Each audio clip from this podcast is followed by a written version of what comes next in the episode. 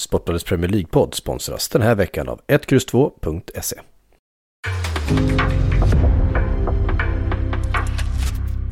En podcast från Aftonbladet.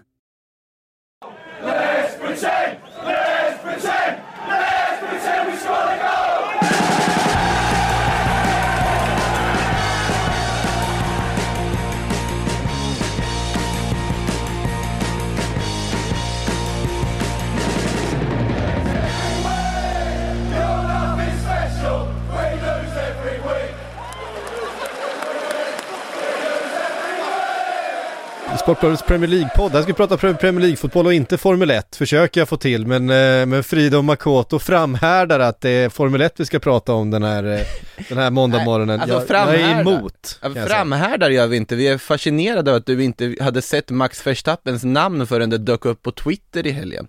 Och du har ändå hängt på Twitter en del. Ja, det, jag har inte sett någon twittra någonting om någon Verstappen. Ja, namnet liksom borde jag... Men, men, ja, men däremot var det ju faktiskt väldigt fascinerande, eller jag var förvånad över hur många svenskar på ens Twitter som twittrade om Formel 1. Jag trodde inte att så många brydde sig i Sverige. Sådana vindflöjlar i det här ja, men det, det är ju Drive to Survive. Ingenting. Det är ju Drive to Survive-serien. Det är ju det som har liksom... Jaha. Den har jag också helt missat. Sen hade, det, det var också första gången jag hörde någonting om den igår på Twitter. Jag har inte ganska sett bra. Den. Jag har sett, jag har sett, tror jag, första säsongen. Men det är ganska bra faktiskt. Mm. Jag Jag håller- väl göra en sån med PGA-touren också, jag för mig till och med. Ja, det är klart de ska. PSG eh, nästa, nästa säsong efter det. ja, men det, det, allting ska ju, ska ju göras sådär. Ehm, och det är väl fine, antar jag.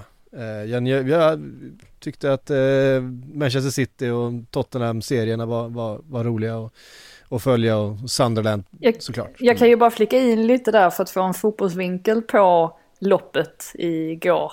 Så dök eh, Patrice Evra upp. Alltså du vet när innan loppen så går ju Sky runt och intervjuar en massa kändisar.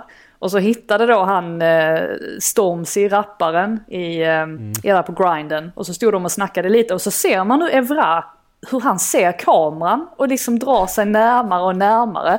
Och sen helt plötsligt bara hoppar han rakt in i intervjun och rycker mikrofonen och Stormzys hand. Så att ja, han var på plats där i alla fall. Eh, och eh, kollade inte Premier League i, i helgen. Eh, I alla fall inte Svaga prioriteringar tycker jag. Du tycker det? Ja, Jag, jag kan ändå ha viss förståelse för det efter, ett, eh, efter en sån där eh, uppgörelse. Men ja, vi har alla olika intressen. Ja, eh, onekligen. Jag, jag väntar tills de gör en om PDGA-proffstouren. Jag tänkte precis säga det, var det någon bra discgolf i helgen? då, då, då, kommer, då kommer jag titta. Ehm, däremot så spelades det eh, en full omgång i helgen och eh, det var idel framgångar för storlagen. Eh, huruvida det borde varit det eller inte, det har diskuterats eh, desto mer. Men jag tänker vi ska börja med den som var allra tydligast, eh, nämligen eh, Arsenal mot Southampton. Här var det inget snack, 3-0 till Arsenal, mål av eh, Öd, Övergård igen. Övergård. Du, du var ju bräd, du började ju säga rätt. ja, Jag trodde du hade någon ordvits på gång. Jag var jättespänd. jag, jag har skrivit, jag har stavat fel i mitt körschema, det var det som förvirrade mig. Började tänka på gamle domaren Övrebö här. Det kanske man inte ska göra för ofta. Jag Men... tyckte det var den här arga snickaren. Ehm, han var inte i London, Nej, det vet jag, jag har ingen aning om vad han gjorde, men uh, Ödegård var där i alla fall och gjorde mål. Frågan är vart Pierre-Emerick Aubameyang var Frida? Ja, han var nog hemma, tror jag. Ehm, han, Gnisslade tänder. ja, men precis. Eh, here we go again, tänkte man ju lite grann. När det stod klart att han missade matchen på grund av disciplinära skäl. Och anledningen till det ska ha varit att han åkte till Frankrike och fick tillåtelse att göra det för att hämta hem sin mamma som ju har varit sjuk tidigare under säsongen också. Ehm, och eh, fick då godkänt att återvända, eller han fick godkänt att åka dit om han såg till att återvända senast onsdag kväll. Och det gjorde han inte för att han återvände torsdag morgon och ska ha varit på plats på London Colony i tid. Men problemet är ju att nu måste man ha ett eh, PCR-test eh, Eller man måste göra ett coronatest innan man anländer till England och sen så måste man även ta ett PCR-test när man är på plats här och eh, fram tills man får resultatet på det testet så måste man isolera sig. Och det hade inte Aubameyang förstått.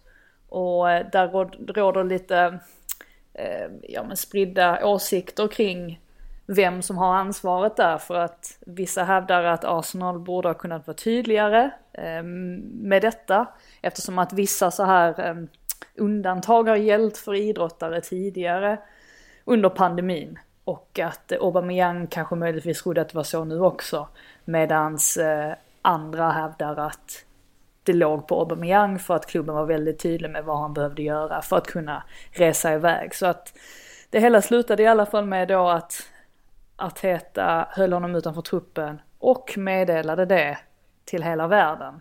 Så som han ju gör, han är ganska rakt på sak.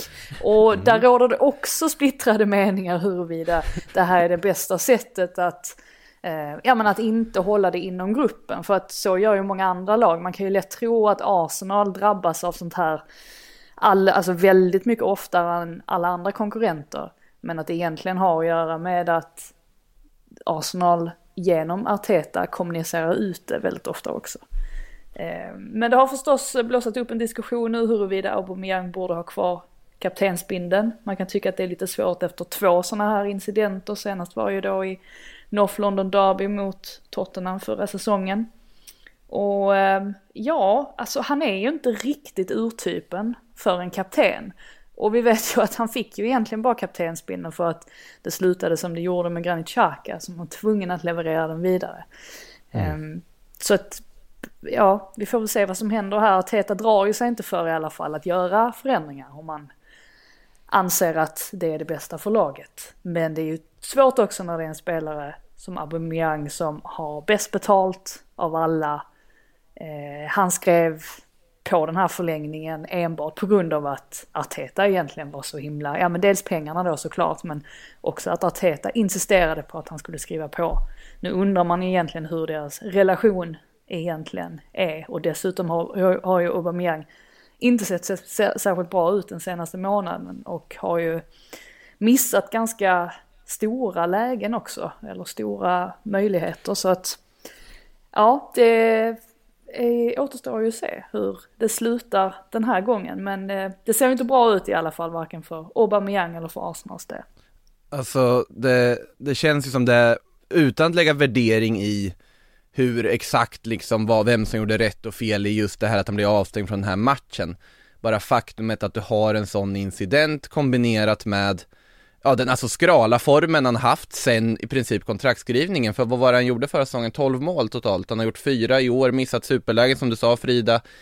Han känns inte självskriven idag i en Arsenal 11 och han är klart bäst betald och det är ju väldigt tydligt och det här är ju ingen unik spaning på något sätt men att det är tydligt att han snarare är en belastning än en liksom ja, självklarhet i den där lönelistan just nu. Och man undrar ju med facit i hand alltså var det verkligen värt det här hela liksom långa köret på att få det där kontraktet förlängt? Bevisligen inte. Alltså eh, känslan är ju att Arsenal lyckats måla in sig i ett Özil-hörn igen ja. med, eh, med Aubameyang, precis men, som man men... gjorde man förlängde Özils kontrakt och i samband med att Alexis Sanchez försvann, man kände att man måste ha kvar en av de här, ja men då förlänger vi Özil och släpper Sanchez. Eh, och egentligen inte fick ut någonting av honom efter den förlängningen. Det, ehm, Ja, jag, men tyckte, Artet, ja. jag, jag, tyckte inte att det var så illa med Aubameyang alltså under förra säsongen. Alltså visst, man, man landar oftast i detta att ja, han tjänar så mycket pengar, han borde kunna prestera ännu bättre än, än vad han gjorde. Men nu, de, den här senaste månaden, de senaste två månaderna, mm. då har det ju verkligen sett riset ut. Så att det är först nu, sen vet man ju inte heller hur mycket de här personliga problemen har påverkat honom också. Just med att hans mamma har varit sådär sjuk. Det är väl klart att det möjligtvis kan inverka på hans, hans insatser. Men oh, det, han, det är just lönen man landar i också. att Det, det ser ju mm. inte helt bra ut när ens högst betalda spelare underpresterar. Nej, och mycket rykten såklart om honom i, i januari eh, redan nu. Eh, jag tror i och för sig inte att han kommer lämna för jag har svårt att se någon annan betala den lönen för honom. Men det han är, är ju ganska det... gammal nu också ju. Alltså han är ju ingen, ja. ung, ingen ung. Nej det var ju det som var det stora frågetecknet när de värvade honom redan. Eh, från Dortmund där han kom eh, från några riktiga kanonsäsonger och hade vunnit som skytteligan i, i, i Tyskland och så vidare och öst in mål. Men redan då var det så här, men då var han liksom 29 ish. Fast då var det ju en supersuccé till en början, det är därför de sitter i någon sorts läge de gör nu. Och, och verkligen, och då var det så här, men, men betalar man en miljard för en sån spelare i den åldern, det är svårt att få de pengarna tillbaks kanske om, om tre, fyra år om man skulle behöva. Eh, jag minns att den diskussionen var, var, eh, var uppe och, de... var, var, var bidragande till att den förhandlingen drog ut på tiden då mm. och så vidare. Eh, vilket värde man egentligen skulle sätta på honom och nu, vad är han, 32? Ja, han ja. fyller ju 33 nästa år ju så att... Ja, precis. Um, så att det, det, det är klart att ålder ligger en spelare i fatet, det är ju inget nytt. Mm. Um, men alltså det positiva här är väl ändå att det fortfarande fungerar så pass bra som det gör i den här matchen, alltså att Martin Ödegård börjar hitta en poängfot som man inte har sett riktigt honom ha, en verkar vara mer och mer bekväm i i sin roll i Arsenal nu än vad var tidigare. Du har liksom både Saka, Martinelli, man märker ju liksom konstanta hot de är på kanterna, Lacazette som är så här otroligt nyttig tycker jag på alla sätt och vis i mitten. Sen kanske Sen finns det absolut en diskussion huruvida han ska ha ett förlängt kontrakt eller vill förlänga och så vidare inte. Sen när han går ut, men här och nu en nyttig, liksom vettig anfallare att ha där centralt. Och sen då Xhaka Partey bakom som får, får ny chans och ändå tar den också tycker jag i den här matchen. Det, är ju, det här var ju precis den typen av seger Arsenal behövde. Komfortabel, ja 3-0-seger. Jag tror det finns en rimlig anledning till att Ödegård gör mål nu och det är ju antagligen mm. att Xhaka är tillbaka. Vilket gör att när Lokonga spelade så tyckte jag ändå att det såg ut som att Ödegård höll sig lite djupare i planen. Men nu med Xhaka så trycker han fram lite mer och det är klart att han kommer komma till lägen då. Ehm, jag fastnar ju vid anfallet fram till 1-0 målet för att det, det är ju Artetas mm. DNA skrivet över, över hela det anfallet. Det är ju precis så. Han vill att de ska spela med de här triangelpassningarna ända nerifrån målvakten och upp. Mm. Och um, vi, för, vi pratar ju alltid om det, för, kan vi nämna det också, eh, Arsenals möte med Everton som slutade med förlust efter Demarai Grays fantastiska distansskott. Det var ju en av Arsenals absolut sämsta insatser på väldigt länge. Så just det här att man inte riktigt lyckas hitta balansen eh, är ju lite, lite oroväckande ändå att man inte har gjort det än. Men återigen så är ju det här ett ett steg framåt. Å andra sidan så kan man ju landa i också att ett av Arsenals största problem den senaste tiden har varit att så fort man har tagit ledningen så har man blivit alldeles för passiva och nästan så att man har varit rädd att, att, att tappa ledningen och så har man gjort det till slut. Och det är ju den tendensen man måste komma ifrån lite grann och den här matchen mot Southampton är ju definitivt ett steg framåt eh, mm. kring det. En eh, shoutout till Tomiyasu som var väldigt bra i den här matchen och hans, hans bidrag framåt, inte minst vid det där första målet som ju var så vackert. Vi har ju hyllat honom för hans defensiva kvaliteter, att han kan liksom kliva in och nästan fylla in som en tredje mittback om det, om det behövs så att han är eh, defensivt stabil, men han är ju väldigt eh, central i, hur han följer med upp hela vägen i det anfallet också och, och tvingar Southampton-försvararna att faktiskt välja antingen Tomiyasu eller eh, Lacazette, för de är båda två i, i liknande position i, i boxen. Eh, eh, tycker han har sett så otroligt bra ut. Han förvånar han, han, han, har liksom, han har verkligen, han har, han har verkligen varit en av eh, den här säsongens allra, allra eh, bästa värvningar. Ja, så har du Kieran Tierney nu på andra kanten som ju faktiskt har sett lite skakig ut, eller han har inte sett ut som sig själv den senaste tiden. Men nu tycker jag verkligen att han börjar komma in i det lite mer efter sin skada. Och har man två sådana ytterbackar på varsin kant, mm. då är det klart att man kommer komma till betydligt fler lägen också. Med facit i hand så har Arsenal har verkligen prickat det här fönstret. Alltså Tavares som kom in istället för Tierney ett tag tycker jag har gjort det jättebra utifrån förutsättningar. Lokonga utifrån förutsättningar har gjort det väldigt bra också. Ben White börjar se mer och mer stabil och självskriven ut i det där mittlåset. Ramsdale har vi pratat om förut och Tom Easo också. Man har verkligen, det känns som att det faktiskt finns ett gediget scoutingarbete och man har verkligen har plockat in rätt typ av spelare till det här laget. Det ska bli väldigt spännande när de ska gå ut för en forward i vinter, vad, vad det renderar i, för det känns som att de verkar ändå vara på rätt spår på väldigt mycket just nu. Mm. Eh, onekligen. Vi eh, går vidare från eh, den matchen då och och eh, tar oss till Chelsea som slog Leeds med 3-2 efter en hel del omdiskuterade eh, situationer. Frida Kavanaugh hade alltså inte blåst för en enda straff tidigare den här eh, säsongen. I den här matchen blev det tre, varav, varav eh, åtminstone den sista verkligen måste ifrågasättas. Eh, Rydiger ner två gånger i straffområdet.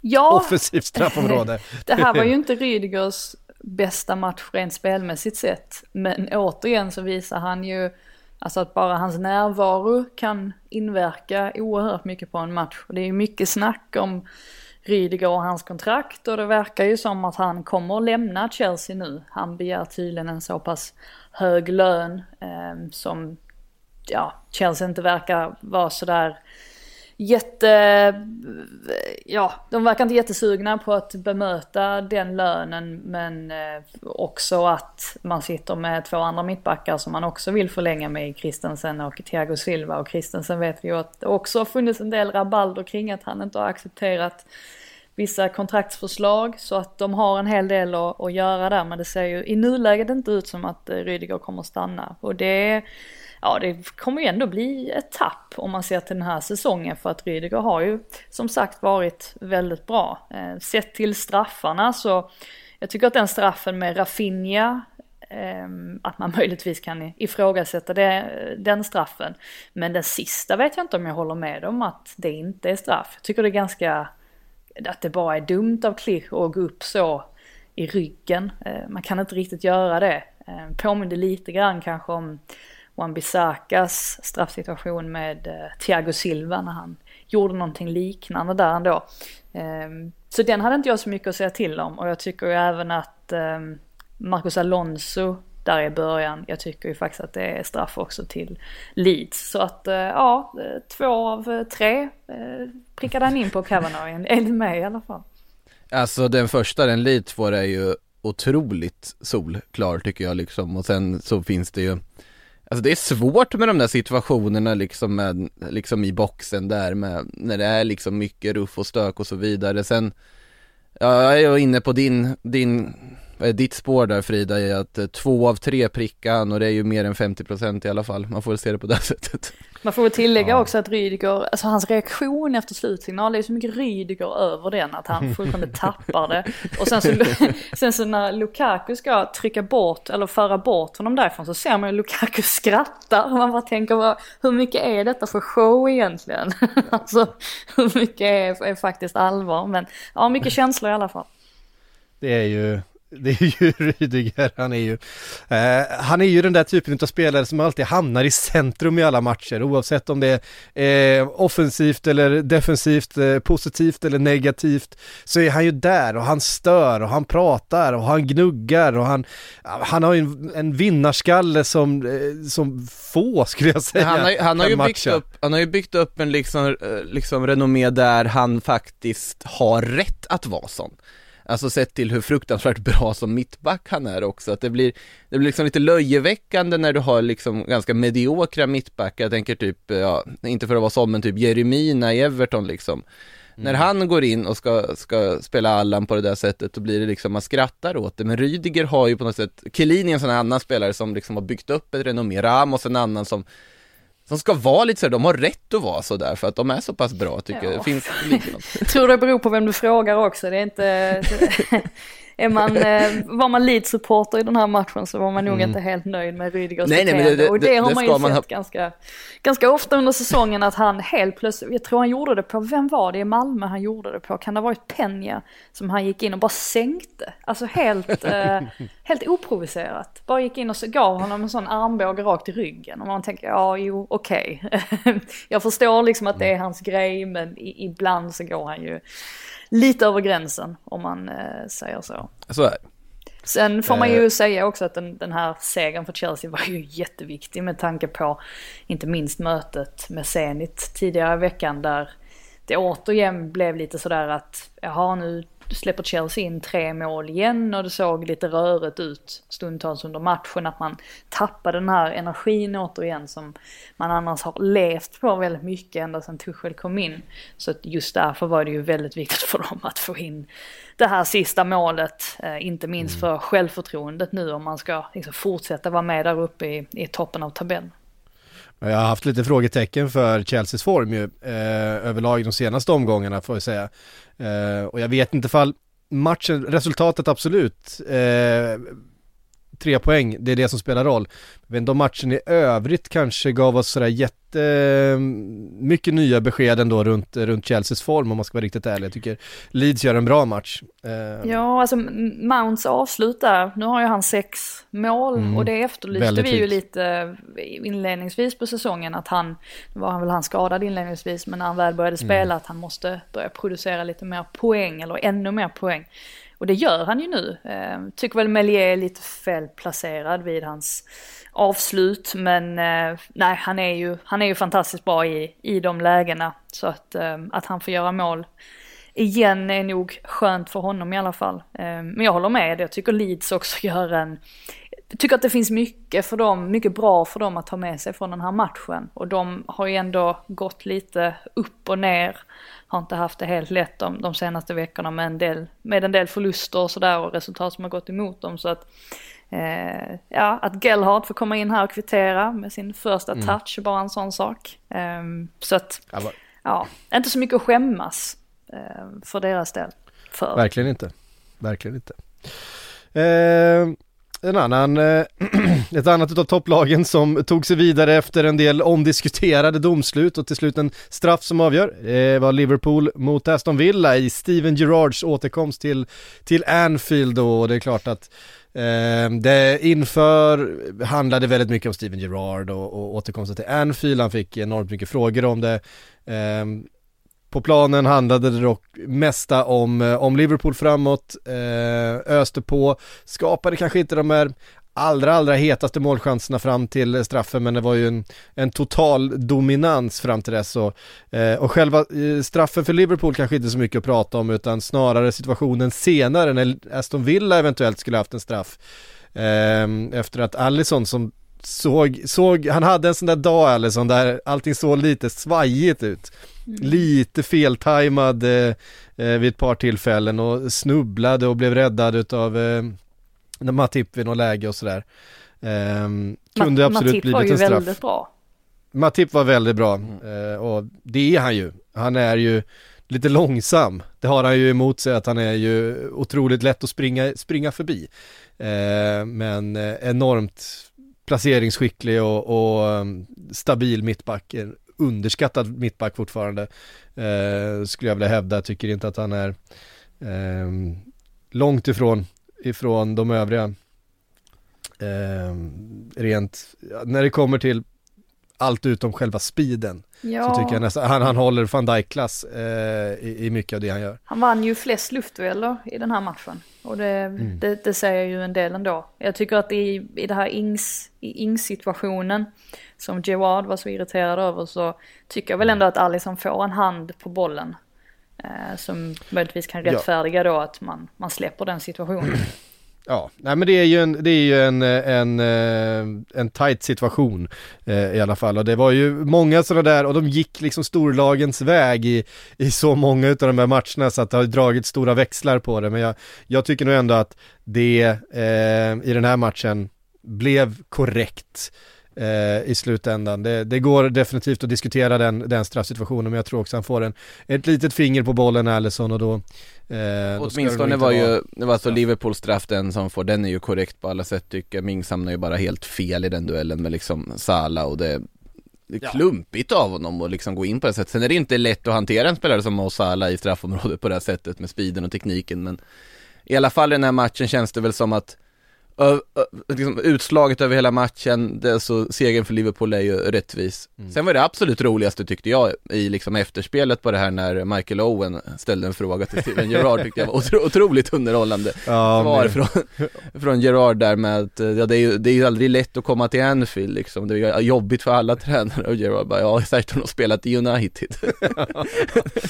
Ja, precis. Eh, det är lite skillnad på, på legendstatusen hos Michael Owen och Steven Gerrard, det, det, det, kan, man, det kan man säga. Men eh, jag gillar ju ändå att Gerard, och det var väl ingen som hade tvivlat på det, men att han var ju oerhört mycket Aston Villa nu. Han var ju väldigt lite såklart. Liverpool. Han reagerade ju inte ens på, alltså när fans, Liverpool-fansen sjöng hans namn och sådär. Han såg ju inte ens ut att, att höra det. Han var ju fullt fokuserad på att vinna den här matchen. Så där har man ju förståelse för att han då är irriterad eftersom, eftersom att Aston Villa trots allt höll sig kvar så länge i matchen. Men det som är fascinerande med just Liverpool, det är ju inte bara det här att de har en så fantastiskt bra offensiv, utan det är ju alltså hur svårt det är att bryta ner dem defensivt nu också. Alltså när man har van Dijk och Matip och man inte har de här mittbacksproblemen längre och så dessutom så har man ju en sköld framför där alltid med minst två spelare. Eh, alltså huruvida den är Fabinho eller Henderson eller vem det nu är. Eh, alltså det, det är svårt att göra mål på Liverpool då. Och det är också en Verkligen. sån där grej som gör att man tror att, eller börjar, börjar tro att de rent av kan ta ligatiteln den här säsongen. Just för att de är så oerhört starka både framåt och så dessutom då bakåt. De har ju, de har ju allting på plats. Och sen så då med kantspringarna där, Robertson och Alexander Arnold. Det är, ja, det är väl kanske då att Allison ska fortsätta vara lite darrig ibland som möjligtvis kan, kan göra att de släpper in några mål här och där. Det är ju också vad de gör när Salah Mané åker på Afrikanska, det är en gammal liksom fundering här men alltså samtidigt eh, vad är det, Oxley Chamberlain som får chansen här tar den ju inte riktigt i någon sorts falsk nio-roll som Klopp testade här. Nej. Minamino har ju inte tagit riktigt chansen heller, Divock Origi har ju inte heller gjort det. Ja, Alltså Nu ska- ja, nu ska vi- ja. Påminner om att alltså- han gjorde mål även mot Milan så att han har, eh, han är på Ja. gång nu. Tillsammans ja med juniorerna han där. ju, ja. nu är han ju småskadad igen här så han, fatt, han var ju inte ens med på bänken i den här eh, matchen. Sen, sen såklart då, Jota, Firmino och så vidare, men det är ju mycket som går genom Salah, Mané och så vidare fortfarande. Där är ju fortfarande ett frågetecken vad de kommer göra. Så är det såklart. Ska också sägas, alltså man brukar prata om missade straffar, men alltså Salas straff som man sätter, den placeringen på den bollen, är det, det är få straffar man har sett som är så väl, alltså fint slagna som den är. Han Ja, möter också liksom shithouser nummer ett, Emi Martinez i målet som står Som, där. som verkligen försöker och Ja, men han är det, där det är och hans stil liksom, det, det, man älskar ju Emi Martinez för det. Han, Men... han är ingen Bruno Fernandes helt enkelt, Mohamed Salah. Han, eh, ja. Nej, han är, han är inte, inte eh, speciellt lättpåverkad. Nej, så han, är, han, har sånt, han har sånt självförtroende just nu, Mohamed Salah. Man ser det liksom på planen att han ser så han ser så avslappnad ut, alltså den här säsongen jämfört med kanske förra och tidigare när han har, man har sett att det, har liksom, det har funnits där eh, jakten hela tiden på målen och när de inte studsar rätt och han har sett lite frustrerad ut och han har tagit en del av de här egoistiska besluten som vi, som han har fått en del kritik för under, under säsongen, att han fattar fel beslut, han tar skott när han borde skjuta så här.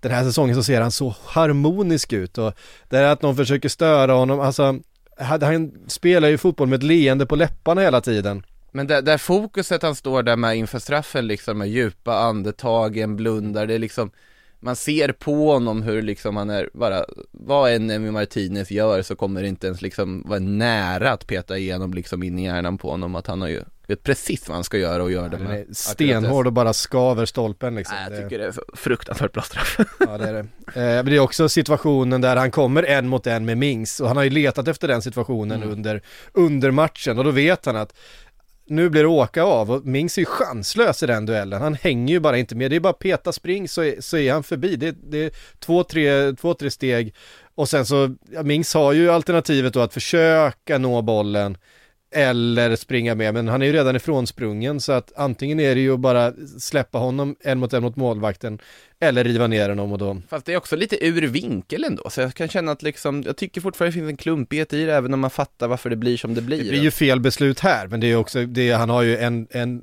tiondel sekund på sig att fatta det där beslutet, så att eh, det är ju vad det är.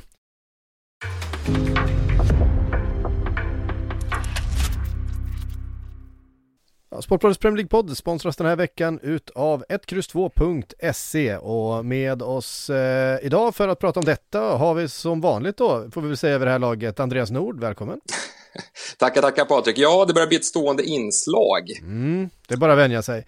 Eh, du, eh, vi har ju en tävling tillsammans, eh, 1X2.se och Sportbladet. Hur har det gått i den? Jo, men det har gått bra. Det är många som har varit med och deltagit, så jag vill ju uppmana fler att passa på nu när vi fortfarande kör tävlingen, för på veckovis basis kan man ju vinna valfri matchtröja eller halsduk till just sitt eget favoritlag. Och sen så kör vi den här stora tävlingen då, Patrik, där man har chansen att alltså vinna en drömresa värd 10 000 kronor. Så den får man ju inte missa och då går man bara in och kryssar i lite matcher, vad man tror för resultat, så har man chansen helt kostnadsfritt. Precis, och 1X2.se är ju en eh, speltips och eh, reksajt. Och det är det du sysslar med eh, i vanliga fall, så jag gissar att du har ett rek åt oss när det gäller Premier League också. Ja, men jag har ju det. Jag har tagit sikte på London-derbyt som spelas här på onsdag, om jag inte missminner mig, mellan Arsenal och West Ham, där jag tycker att Arsenal blandar och ger ganska mycket i sina insatser och skapar ju en del lägen framåt, men släpper till lite mycket bakåt ibland. Och eh, West Ham har ju visat upp en väldigt fin offensiv den här säsongen, så att jag tycker det är bäddat för en målrik historia och spelar därför över 2,5 mål till 1,86 gånger pengarna. Och eh, för att ta del av tävlingen och för att hitta fler eh, speltips av Andreas och hans kollegor så gå in på 1X2.se.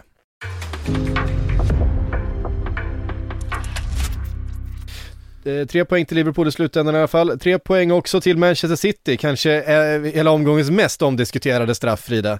Eh, avgör den ja, matchen. Och, och, utvisning också, bara den ja, var ju alltså där. Den, ja, det, det, är, är det, det, måste det, vi ja, det är ju säsongens, och det kanske inte bara är säsongens, utan de ser, alltså det är en, en av de dummaste utvisningarna man har sett. Ett för att det är John Moss som står där, man vet ju att han, man vet ju att han kommer göra så.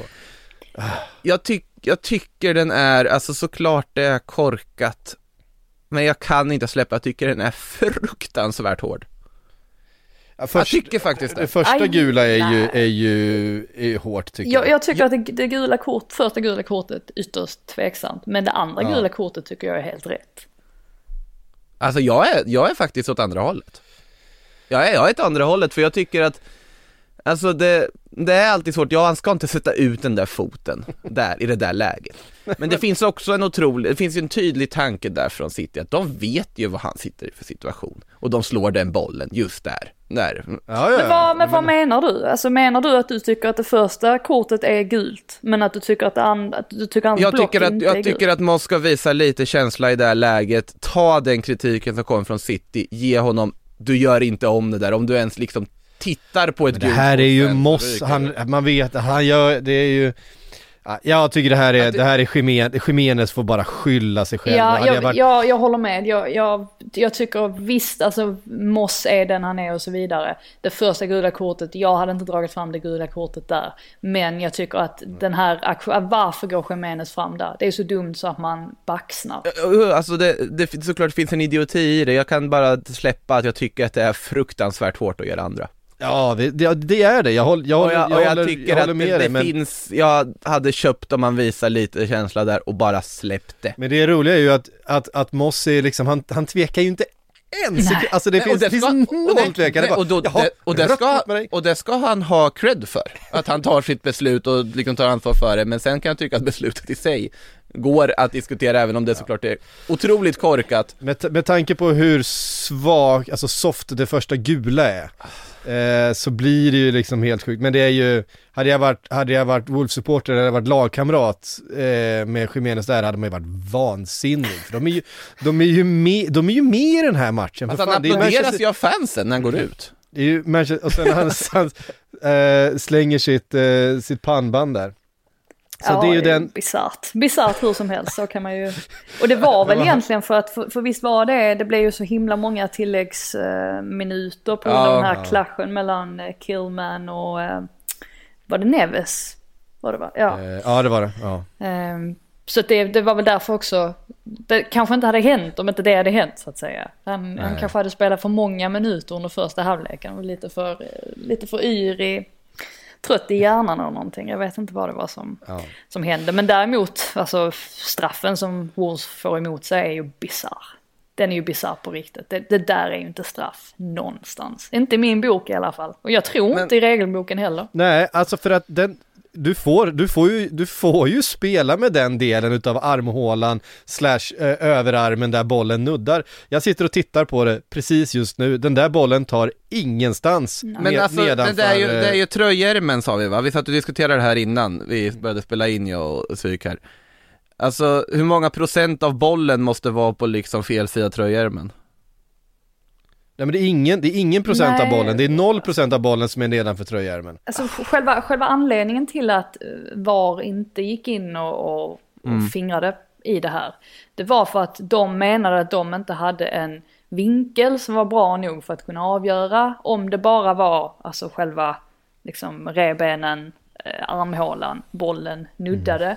Vilket jag tycker är ganska konstigt för att sitter man och kollar på highlights så tycker man att man har hur bra bilder som helst. Så att jag Vi andra hade, riktigt- hade Jättebra bilder. Ja, det det är nästan så att man känner att de inte riktigt visste reglerna själva.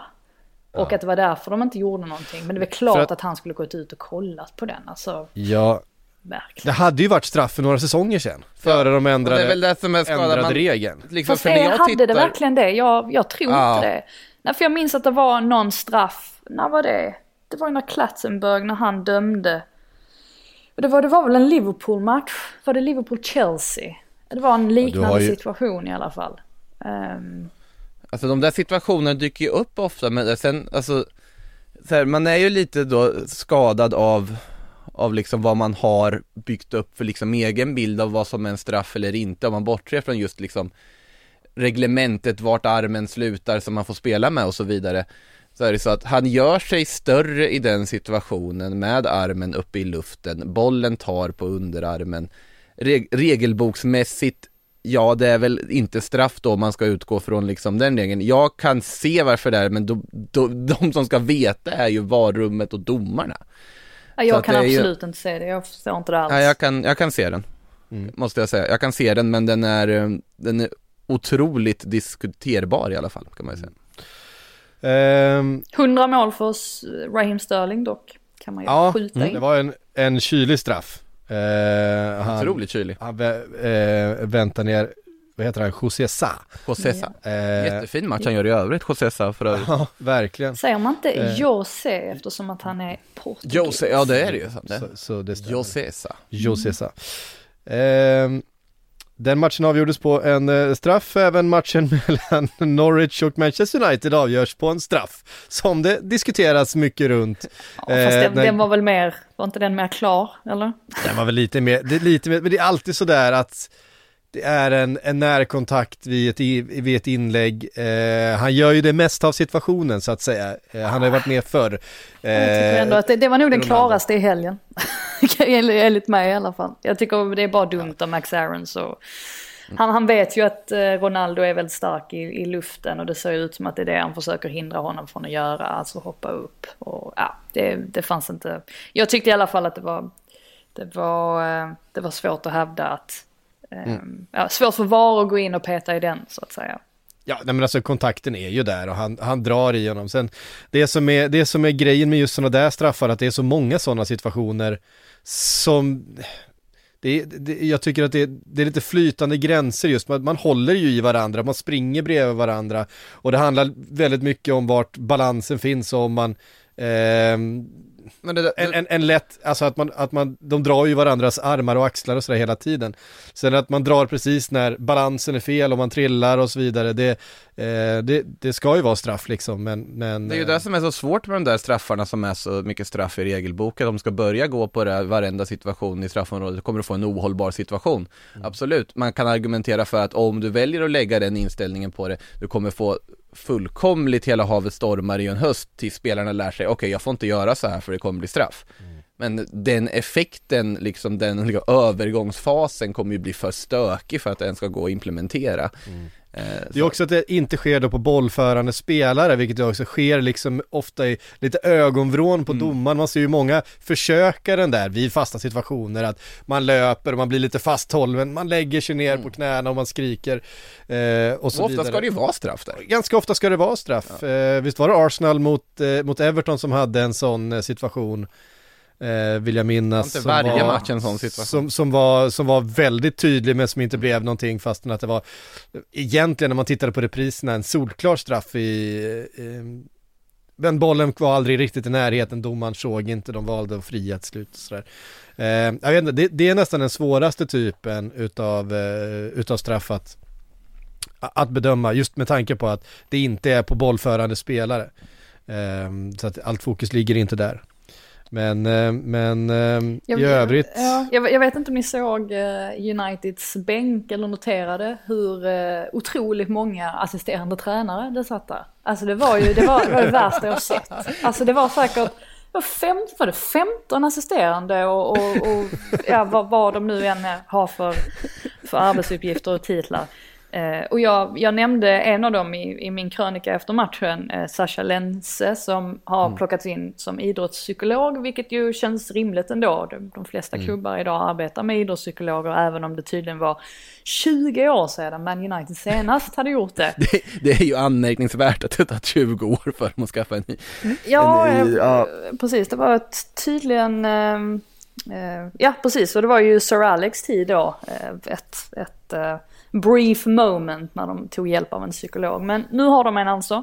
Men jag skrattade lite för att han satt ju på läktaren, eller han var ju med liksom i deras eh, alltså bland deras stab till den här matchen och då skrattade jag lite för jag tänkte alltså varför behöver man verkligen en psykolog mitt under match? Alltså det, ja, alltså finns det någon mening med att ha med honom på de här bortamatcherna. Men i och för sig, alltså efter att ha kollat på 45 minuter av den här matchen så tänkte man ju att ja, det kanske inte vore så dumt ändå med någon sorts terapisnack där för att få igång dem lite. För att alltså de, de såg inte bra ut, Man United. Det var ju faktiskt Norwich Nej. som hade övertaget här lite grann. Främst då genom att de var så väldigt välorganiserade defensivt. Egentligen ända fram tills Aarons gör den där missen ju. Eh, som mm. blir matchens enda mål dessutom. Eh, tyckte också att United, de tappade ju bollen hela tiden. Det var ett väldigt statiskt anfallsspel där alltså fyra, fyra attackerande spelare i stort sett hamnar på en linje längst fram. Och det är liksom ingen som tar några spännande löpningar eller är kreativ på något annat sätt. Och just eftersom att de eftersom att Norwich yttrar var så duktiga med att jobba hem så gjorde ju även det att Telles och Dalot fick ju inte samma ytor de heller på, på sina kanter så att eh, nej det var väldigt, väldigt statiskt från Man United. Och det enda som egentligen gör att de inte tappar poäng här i mitt tycke det är ju att Norwich saknar kvalitet för att de slog också några märkliga passningar rakt in centralt och tappade bollen. Eh, mm. Billy Gilmore bland annat som en spelare som jag gillar väldigt mycket men ibland är han lite för naiv. Eh, kanske för att han spelar i ett lag som Norwich där man inte riktigt har råd att alltså, göra de eh, felaktiga passningarna. Eh, det syns i alla fall betydligt mer när man gör det i ett lag som Norwich än låt säga ett lag som Chelsea och det märktes inte minst här. Och sen dessutom, alltså Josh Sargent, jag kommer aldrig förstå mig på den spelaren. Jag, jag, jag fattar inte honom. Jag, jag tycker inte att han har någonting. Han, jo okej, okay, han, har, han, har, eh, han har löpvilja och eh, det, det märks att han har rätt inställning. Men i övrigt så tycker jag att han saknar all form av kvalitet. Och bara för att jag säger detta nu så lär han väl göra hattrick här senare i veckan. He showed great character. Han, han är 21, 21, 21-årig amerikan, bra för liksom PR över, på andra sidan Atlanten. Alltså, men vilka, ändå... vad, ska, vad, vad ska Norwich ha för PR gentemot USA? Alltså det ja, men, skiter väl de i liksom. Vad ger dem att de försöker? Ja, Nej men alltså. Jag, jag tycker det är ändå... konstigt och så tänker man så här, jaha men har de ingen bättre? Nej, det är väl det som är problemet också med Norwich, att kvaliteten i truppen är inte den Nej. absolut bästa. Och det är det som gör att de kommer att åka ur i så fall. Det är ju inte att Dean Smith är en usel tränare eller att han inte försöker göra så gott han kan med det här spelarmaterialet. Det, eh, Timo Pukki är likadant. Jag var faktiskt lite förvånad över att Lindelöf hade så mycket problem med Pukki som han ändå hade. För att mm. tyckte inte heller att Pukki var sådär riktigt på, på hugget. Och då kan man definitivt inte vinna en match mot Man United trots att de då också ser lite sega ut. Nej men mycket är ju de Gea. Gör ju några riktigt eh, matchavgörande räddningar. Inte, bland annat på Timo Pukki när han får vända upp där och Lindelöf ska dit och blockera och jag är väldigt saktfärdig i den mm. situationen faktiskt och Pucki står felvänd precis vid straffområdeslinjen och får bara vända upp, peta åt sidan och, och avlossa det där skottet från den där positionen han har gjort så otroligt mycket mål och den är ju på väg och det borras upp i nättaket och de Gea får liksom två fingrar på den verkligen. Och, ja.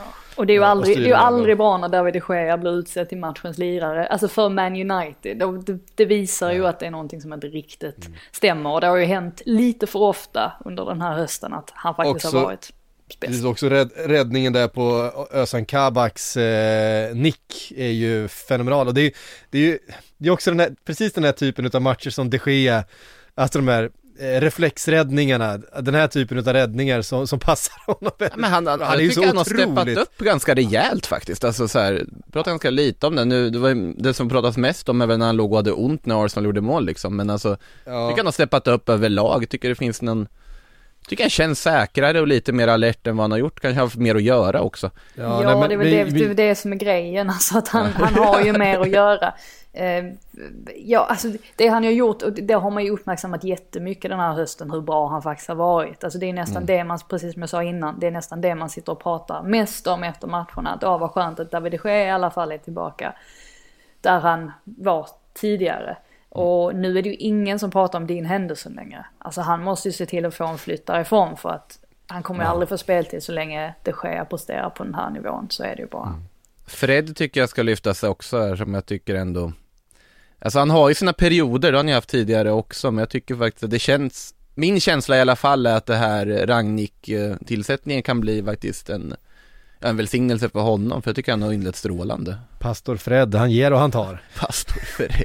ja, det var egentligen Fred och Scott McTomin är väl egentligen som, alltså, nu har de ju helt andra typer av roller, men de gjorde ju inte bort sig i alla fall.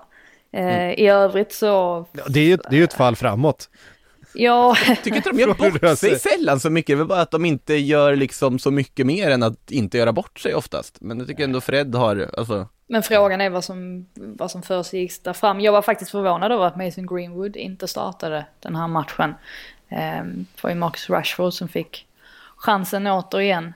Vi får väl mm. se hur han tänker härnäst. Det var ett oförändrat lag men pff, det måste nästan hända någonting. Det är någonting som inte stämmer riktigt. Jag vet inte om det är mentalt att man ska börja dra upp det här att de är trötta igen men pff, Fernandes, ja återigen ser inte sådär jättebekväm ut och det händer inte så mycket helt enkelt och det är ju inte, det är ju inte bra för Uniteds del när det kommer svårare matcher. Nej. Nej, eh, från eh, det, eh, knapp, den knappa segern då till en eh, betydligt tydligare sådan, eh, Leicester 4, Newcastle 1.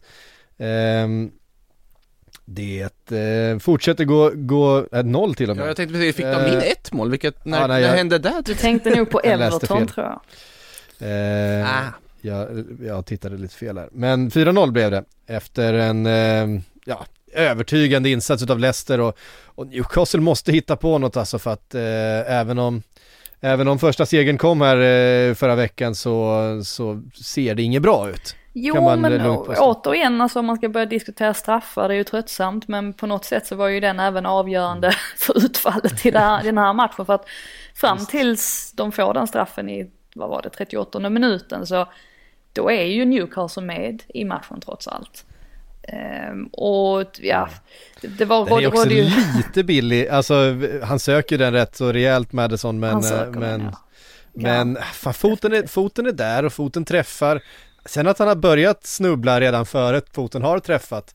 Eh, det, är, ja, det, är ju, det är ju vad det är. Jag tycker den är också svår, svårbedömd. Jag är ju inte, mm. jag, jag är inte mycket till övers för Lasells. Jag tycker att han ofta är ganska klumpig i mm. de situationerna. Och eh, ja, varför sätter han ut foten, benet där? Han vet ju att Madison kommer utnyttja det. Så det är klart det ser ju inte bra ut att Madison påbörjar fallet innan där ens är kontakt. Men å andra sidan, sätt inte ut benet där då så så, eh, så hamnar du inte i den situationen. Men eh, jag tycker ju, detta var ju, eller detta inträffade ju när Newcastle försökte spela ut kort, för, kort från målvakten. Ja, och, Och det jag- var ett av de sämsta försöken till att spela kort från målvakt som man har sett den här säsongen. Jo, men, alltså. men det är ju tack vare Thielemans också. Och Thielemans var ju Ja. den stora stjärnan i den här matchen Mm. och tillbaka. Och man ser ju hur otroligt viktig han är för Leicester. För att det är återigen, det är han som går upp och pressar tillräckligt bra.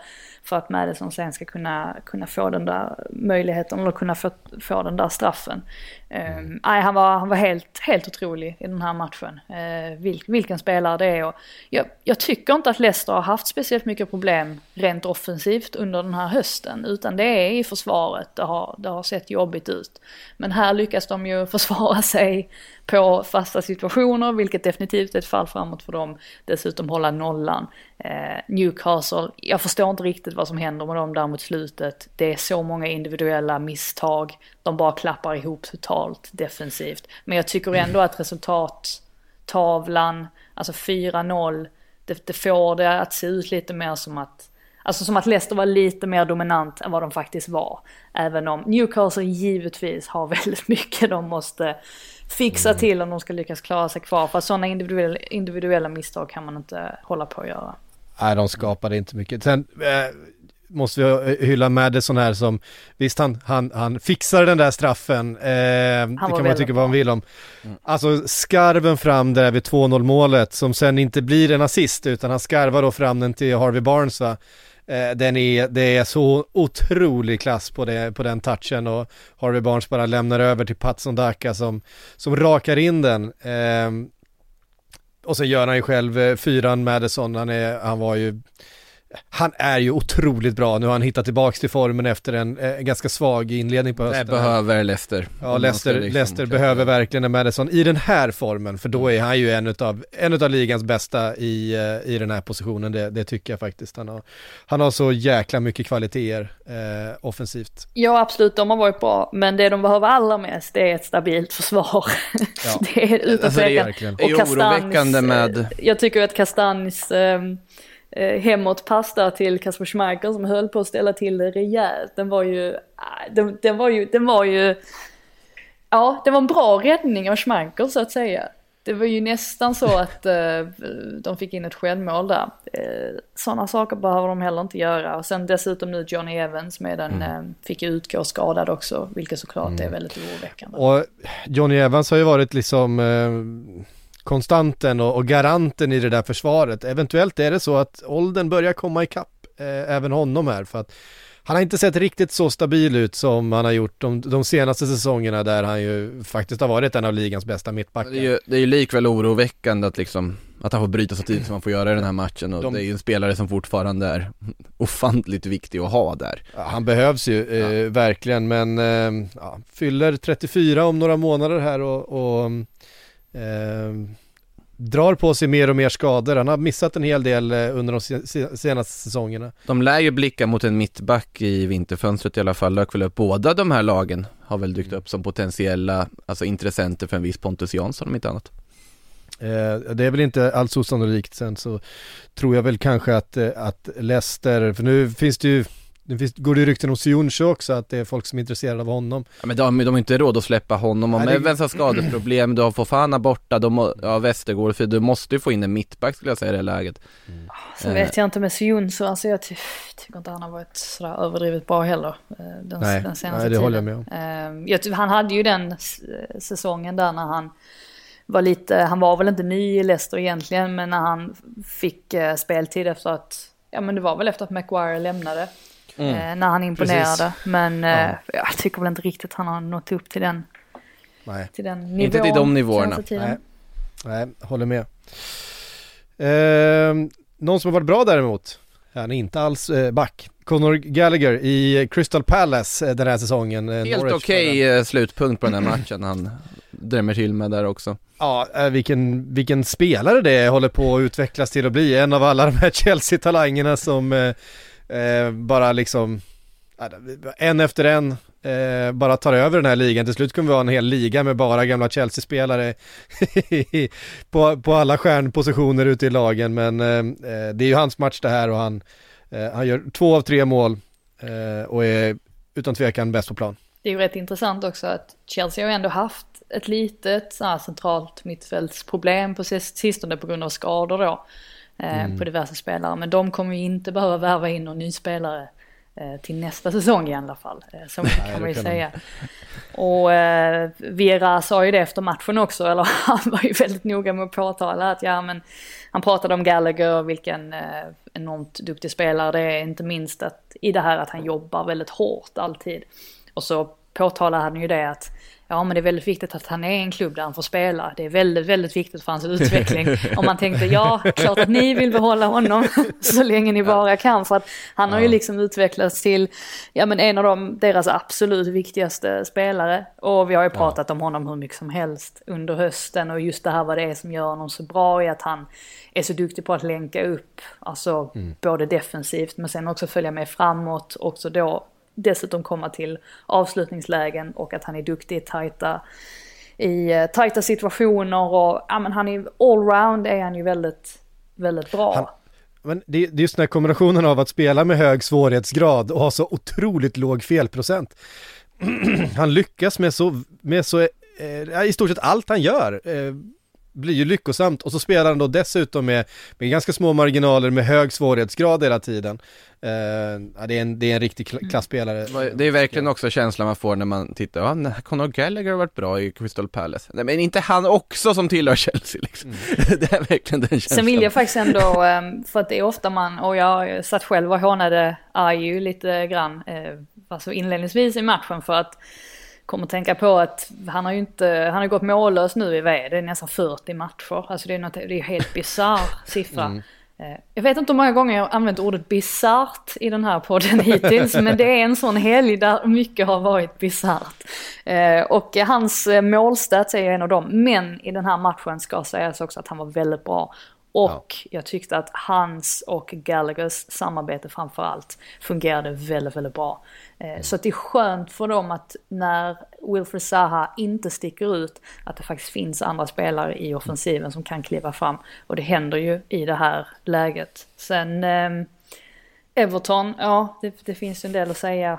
finns en del att säga om dem också, inte minst den här situationen ja, när Richarlison kliver av och hamnar i bråk med Benitez. Det är ju inget, jag är lite mm. förvånad över att folk drar så stora växlar av just det för att vi vet, Richarlison blir alltid sur när han blir utbytt. Och han hamnar ju nästan alltid i bråk också, så minns inte minst den här mm. straffsituationen mot Brighton var det väl när ja, han började bråka där om vem som ska, vem som ska mm. lägga straffen.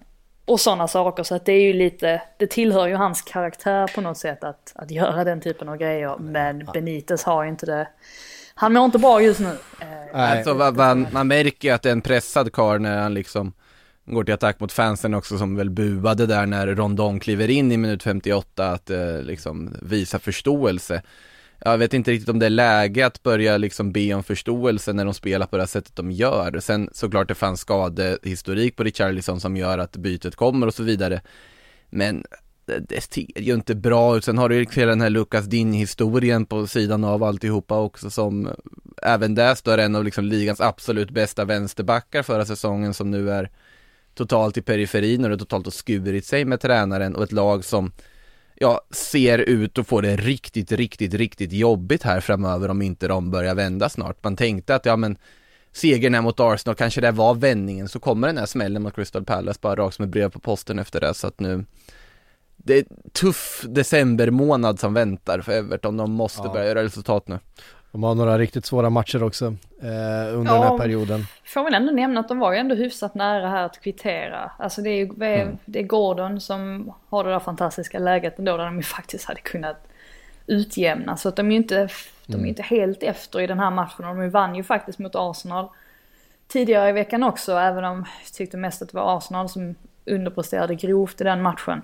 Ehm, men ja, det, det, är väl klart att det är några viktiga veckor här nu och framförallt blir det ju viktigt för Benitez i och med den här dusten som han då uppenbarligen har haft med Dini att fler spelare får ju inte vända sig emot honom. Alltså då kommer ju inte det här, då kommer inte det här sluta bra överhuvudtaget. Mm. Men ja, Nej. vi får se hur det ser ut efter nyår. Mm. Och det är liksom, eh, man ser ju inte direkt, är det liksom Steve Bruce de ska slänga in där då för att rädda säsongen Åh, i, i januari om det är så att det börjar, det börjar lukta relegation battle eh, Ernesto Valverde. efter, efter nyår. Jag. Ja vi får se, det är, eh, det är eh, hårda puckar just nu i Everton. Vi eh, tar oss vidare och eh, ska se, vi har inte nämnt Burnley West Ham 0-0. Eh, jag vet, vad vill vi säga om den Frida? Alltså att Antonio har gått mållös i sex matcher nu. Eh, ganska Mm. oroväckande för West Hams del för att de, plockar, de har ju plockat fem poäng på de fem senaste matcherna om jag inte minns helt fel. Och det att jämföra då med 12 poäng på de fem matcherna dessförinnan. Så det visar ju att de, de har en kurva som, om den inte pekar neråt så pekar den, är den väldigt flatlined just nu. Och det tror jag beror på att de inte har en jättebred trupp. Något som har nämnts otaliga gånger den här säsongen. Men tyvärr så tror jag för West Hams del att vi kommer märka av det mer och mer nu. Ehm, de kommande veckorna och kommande månaderna framöver. Att det blir jobbet då eh, att försöka hålla, hålla kvar vid den där Champions League-platsen i, i toppen. Det har ändå gått ruskigt fort där man tittar bara rent tabellmässigt när man tittar på City, Liverpool, Chelsea som bara seglat ifrån. Det är redan åtta poäng ner till West Ham mellan Chelsea och liksom tredjeplacerade Chelsea och fjärdeplacerade West Ham så att den luckan har ju ganska snabbt byggt upp så här nu i och med att de inte riktigt fått resultaten de behöver. Ja, och det har väl inte rått någon, någon, någon större tvivel om nej. att det, att det är klasskillnad mellan de tre Det är lagen. inte överraskande men likväl. Och, eh, och resten. Vi, eh, vi avrundar väl eh, här idag med helgens enda svenskmål. Brentfords eh, seger över Watford. Eh, och Pontus Jansson. Ja, det var inte så dumt. Eh, det är ju rent intressant att majoriteten av Brentfords mål den här säsongen har ju kommit vid, antingen via passningar wingback till wingback, fasta situationer eller andra vågor på en hörna. Och det där sista har ju varit en trend i Premier League överhuvudtaget. Eller totalt sett. Alltså att det är många lag som har svårt att försvara sig mot andra vågor och så får man in målen på det sättet. Och Brentford fyller ju alltid på med en mittback, alltså vid den bortre stolpen. Vilket gör att de är ju eventuellt lite sårbara vid ev- eventuella omställningar. Men det funkar ju verkligen för dem och inte minst i det här fallet. Och sen är det ju dessutom Saman Ghoddos som ordnar straffen där. ehm, som gör att eh, Brentford Just faktiskt det. kan vända på det här resultatet. En oerhört stark trea eh, för deras del. Och sen återigen Watford, herregud vad de släpper in mycket mål. Det, det bådar inte gott så att säga i, eh, i bottenstriden. Nej. Vi eh, ska svara på, på några frågor. Vi har, eh, konstaterar också att vi har eh, dubbla omgångar då fram tills nästa vecka eh, igen. Det är mitt i veckan omgång. Sen är det, är det FA-cup till helgen eller? Eh, nu har jag inte schemat riktigt klart för mig men Men inte bara. Men- eh, det är för, jag ligamatcher ska, med... för jag ska till Det är ligamatcher till helgen också. Det är är ligamatcher till helgen också. Eh, Kanske primärt ligamatcher till och med. Eh, Ja, så är det det nog, Mm. precis. Eh, just det, för fan. Vi har ju Tottenham-Liverpool på söndag, för fan. Ehm, Den hade jag eh, lite siktet inställt på. Eh, vi har lite matcher i veckan, men vi ska svara på lite frågor innan vi knyter ihop här idag. Eh, vi kan ta en från Martin Karlsson. Eh, kör min fråga igen om vaccinerade fotbollsspelare i Premier League. Eh, hur ligger det till med den saken Frida, eh, nu när covid börjar liksom eh, ta, koppla grepp här om, om eh, samhällena igen? Mm. Eh, hur ligger det till med vaccinationerna och spelarna? Det har blivit lite bättre, eh, ska sägas. Eh, grejen är att det, det finns ganska mycket intressanta redogörelser för vad som egentligen har skett i Tottenham. Och media kan inte riktigt gå ut och, ja men på grund av eh, läkarsekretess eller vad det nu heter så kan man inte gå ut och, och nämna namn och sånt där så att det får väl inte jag heller göra. Men det var ju, ska ju ha varit så att det var en spelare som i slutet av dagen efter att ha spenderat alltså en hel dag på träningsanläggningen plötsligt sa oh jag har känt mig lite dålig hela dagen, jag känner mig lite konstig. Och alla andra bara så här va? va? Vad menar du allvar? Och så visade det sig ju då att den här spelaren var, eh, hade covid och eh, då redan hade lyckats smitta alla de här andra spelarna. Så att det var i alla fall så det, det började i Tottenham och det ska även finnas x antal spelare, nu kommer jag inte ihåg exakta siffran, men det är ändå ganska många, en 6-7 stycken som inte är vaccinerade.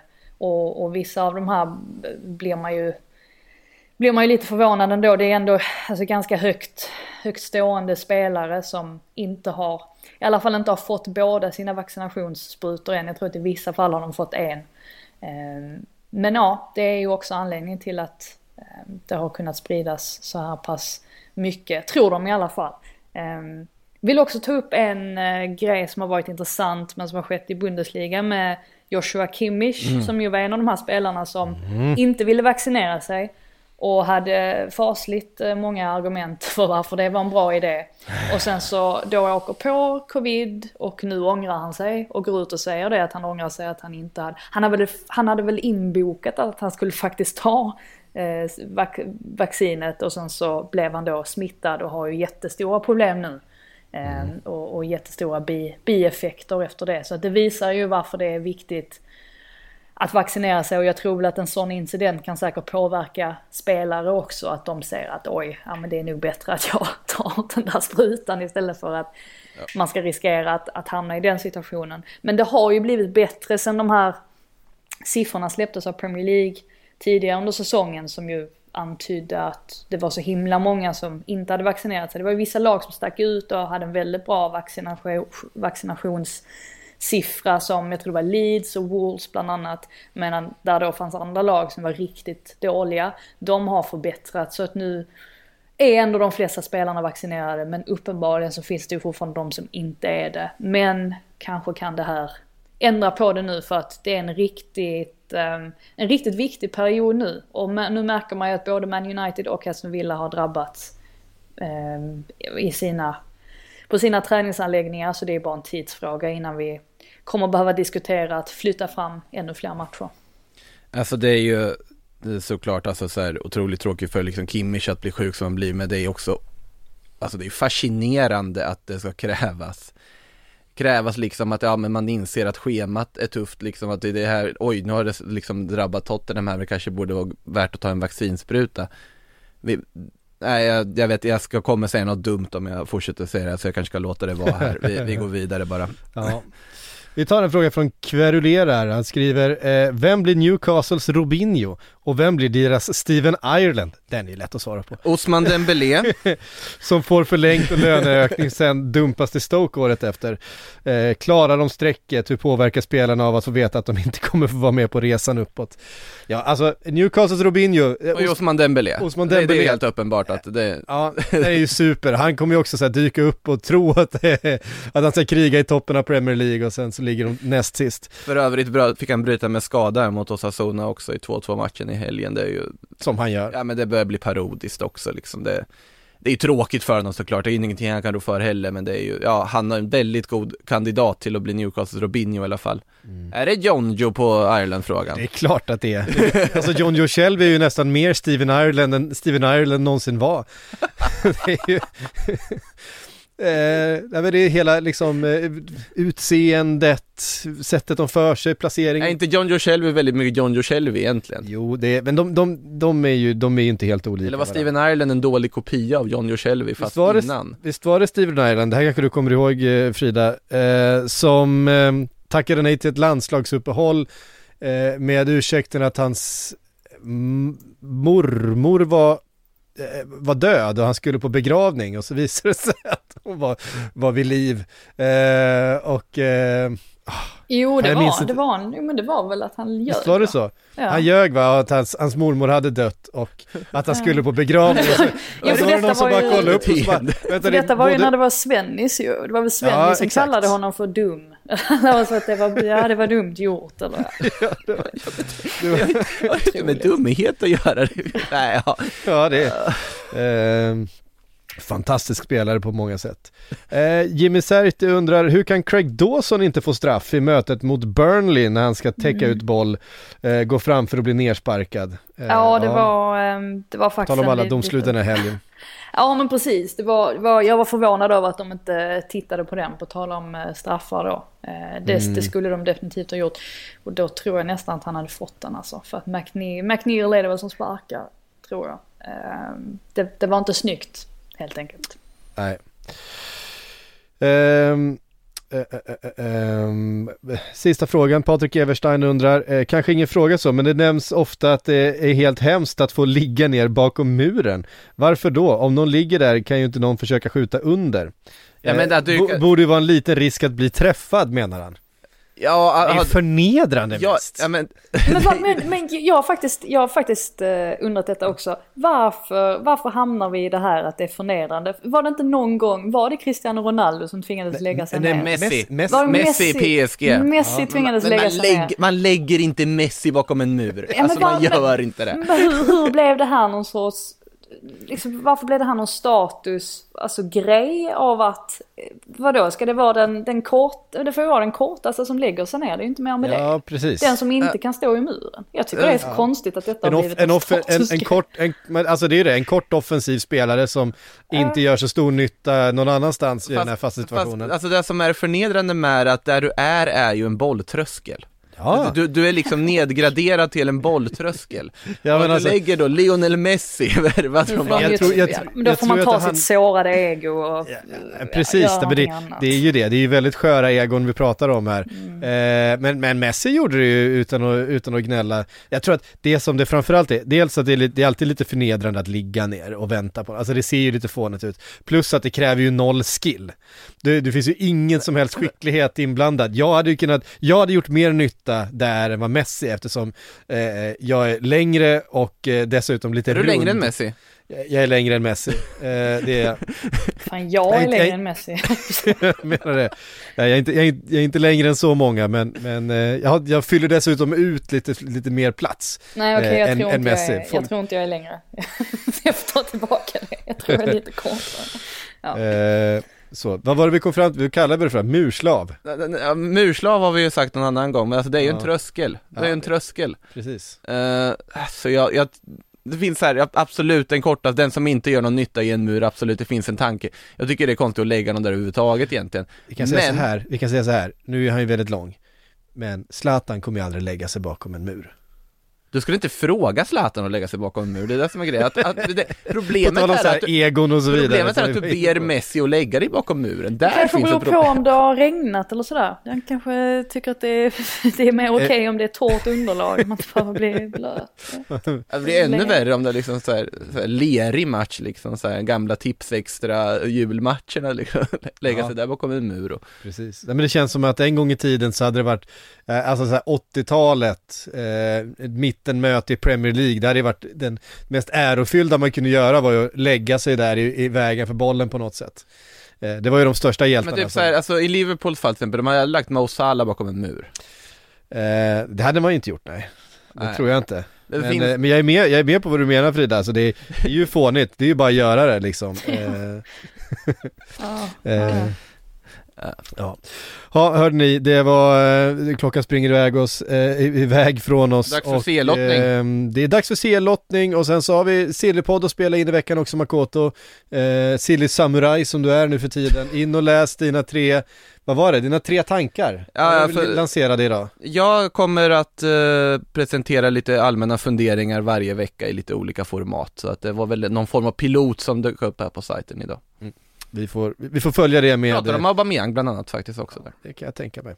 Eh, missa inte Sillypodden eh, i veckan heller eh, och eh, Sportbladets Premier League-podd är tillbaks om en vecka igen.